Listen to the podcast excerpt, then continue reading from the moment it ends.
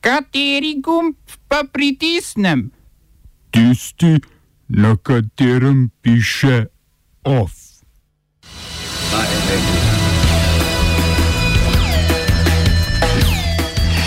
Boc ima zaradi zaprtih kafičev malce drugačen glas. Facebook v Avstraliji blokiral dostop do novic. Odstopil gruzijski premijer Đorđi Gaharija.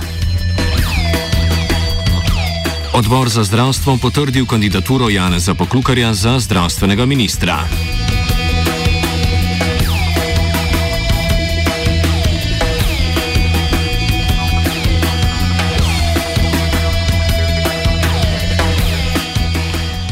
Uporabniki družbenega omrežja Facebook v Avstraliji so deležni redkega nenaravnega pojava - novičarskega mrka. Spletni gigant Marka Zuckerberga je v okviru kampanje proti regulaciji družbenih omrežij, za kar si prizadeva avstralska vlada, na svoji platformi namreč preprečil vsakršno deljenje in dostopanje do vsebin medijskih portalov. Pri Facebooku so v pojasnilu zapisali, da predlagana zakonodaja kaže na temeljno nerazumevanje odnosa med družbenimi omrežji in mediji. Tehnološka podjetja, ki na svojih spletnih straneh omogočajo deljenje novic, bi namreč prisilila v pravičnejše deljenje denarja iz oglaševalske malhe. V medijsko blokado so se za kratek čas sicer ujele tudi strani nekaterih vladnih institucij in služb nujne pomoči, pa tudi ironično sama Facebookova stran. Poteza je pričakovano naletela na hud odpor in ogorčenje. Ostro se je odzval premijer Scott Morrison, ki je dejal, da je Facebookova odločitev, da iz svojih prijateljev odstrani Avstralijo, arogantna in obžalovanja vredna.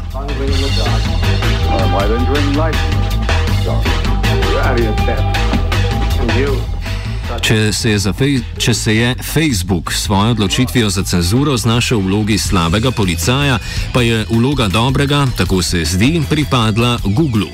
Ta je le nekaj ur predtem z medijsko korporacijo Ruperta Murdoka, lastnika dveh tretjin avstralskih časopisov, sklenil dogovor o razvoju naročniške platforme, ki bo poskrbela za delitev prihodkov iz oglaševanja, medijem pa bo omogočila tudi več avtonomije pri izpostavljanju izbranih prispevkov. Vsakih 100 potrošenih avstralskih dolarjev za spletno oglaševanje v medijih gre trenutno na račun Facebooka in Googlea 81 dolarjev. Če pretvorimo v nam bolj znano valuto, od vsakih 64 evrov jih tehnološka giganta pobašeta 52.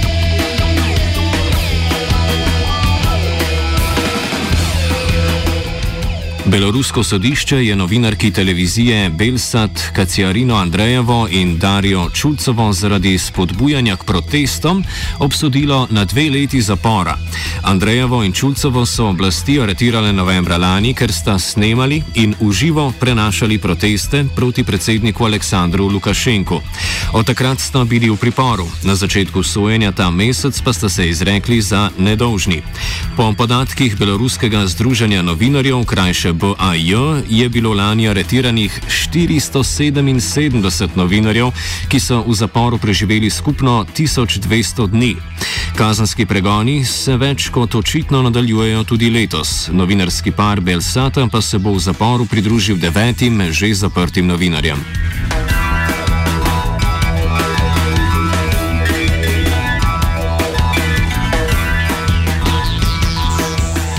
Tišment, novinari pa niso nadloga samo v Belorusiji, ampak tudi pri nas in v Bruslju. V Evropski komisiji so obsodili zapis premijeja Jana Zajanše, ki je novinarko politika Lili Bajer po objavi članka o položaju medijev v Sloveniji v zapisu na Twitterju obtožil, da se preživlja z ležanjem, pardon, laganjem.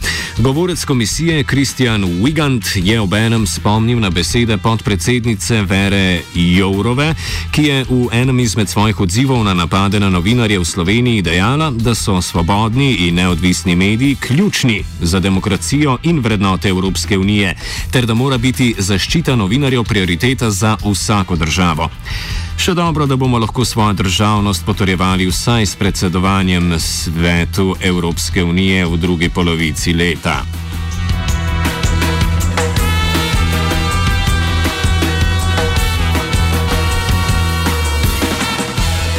Odstopil je gruzijski premijer Đorđi Gaharija.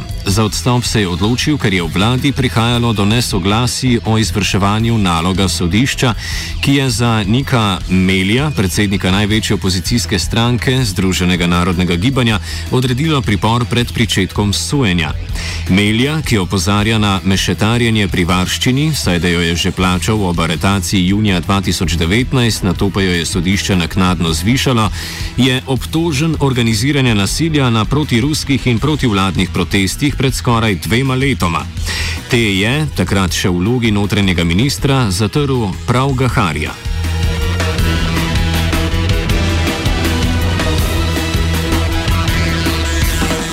Čeprav je sedaj z odstopom želel, kot se je sam izrazil, preprečiti nadaljnjo politično polarizacijo v državi, je le še poglobil krizo, v kateri se je država na zadnje znašla lanskega oktobra po parlamentarnih volitvah. Na njih je slavila Gaharjeva stranka Gruzijske sanje, a je opozicija ob razglasitvi rezultatov opozarjala na številne nepravilnosti in volitve označila za prevaro. Zato ob konstituiranju parlamenta njihovi poslanci tudi niso prevzeli mandatov.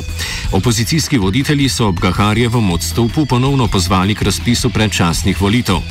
Zaskrbljenost nad političnim stanjem je izrazila tudi delegacija Evropske unije v Gruziji, ki je sodni proces proti Meliju označila za nevarnega na gruzijski demokratični poti.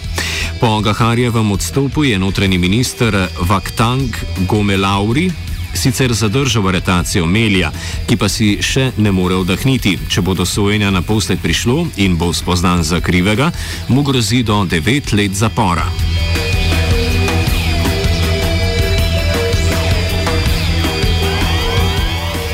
Italijanski senat je sinoči izglasoval podporo novi 67. povojni vladi, ki jo vodi Mario Draghi. Nekdanjega predsednika Evropske centralne banke in njegovo ministersko ekipo je podprlo 262 senatorjev, 40 jih je bilo proti. Danes bo vlado potrjeval še spodnji dom parlamenta, poslanska zbornica, v kateri pa ima Draghi zaradi široke politične podpore strank zagotovljeno večino. Je pa glasovanje v senatu še dodatno razklalo populistično gibanje petih zvest, sicer največjo stranko v italijanskem parlamentu. Kljub dogovoru, da bodo soglasno podprli Dragijevo vlado, je 15 senatorjev glasovalo proti. Zdaj jih, kot je sporočil Vito Krimi, ki gibanje začasno vodi po odstopu Lu Luigija Di Maja, sicer zunanjega ministra, po statutarnih pravilih čaka izključitev iz skupine v senatu. Več o novi italijanski vladi lahko izveste v današnjem offsajdu ob 17. uri. Oba, če bom odgovoril na angliški.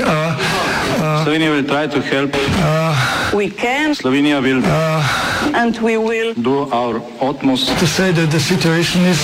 Our problem ourselves. And uh, we will. Uh, make further steps as soon as the conditions are. Bomo vlado Marjana Cererera Šarca podprli.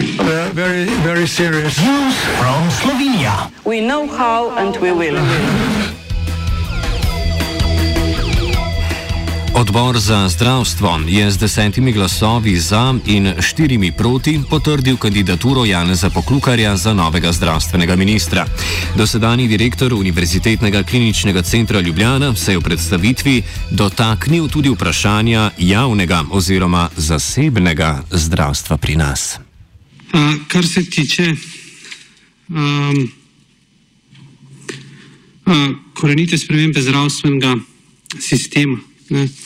Kot sem povedal že v vodoma, si predstavljam jasno ločnico med javnim in zasebnim. Uh, tisto, uh, kar je treba na ta način tudi definirati, je to, da se bo treba pač, tako je videnje, opredeliti, ali si del javnega sistema ali si del privatnega sistema, kar nekako odgovori na vaše vprašanje o dvoživkah.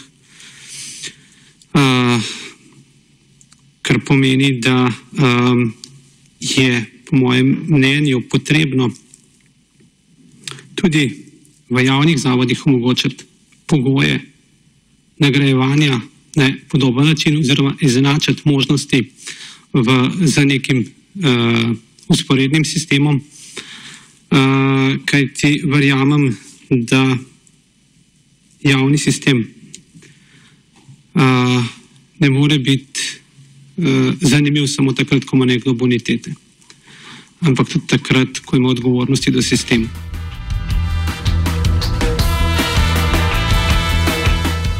Da bi Poklukar postal 20. ministr za zdravje, ga mora potrditi še parlament. Glasovanje bo predvidoma v torek. OF je pripravil žiga.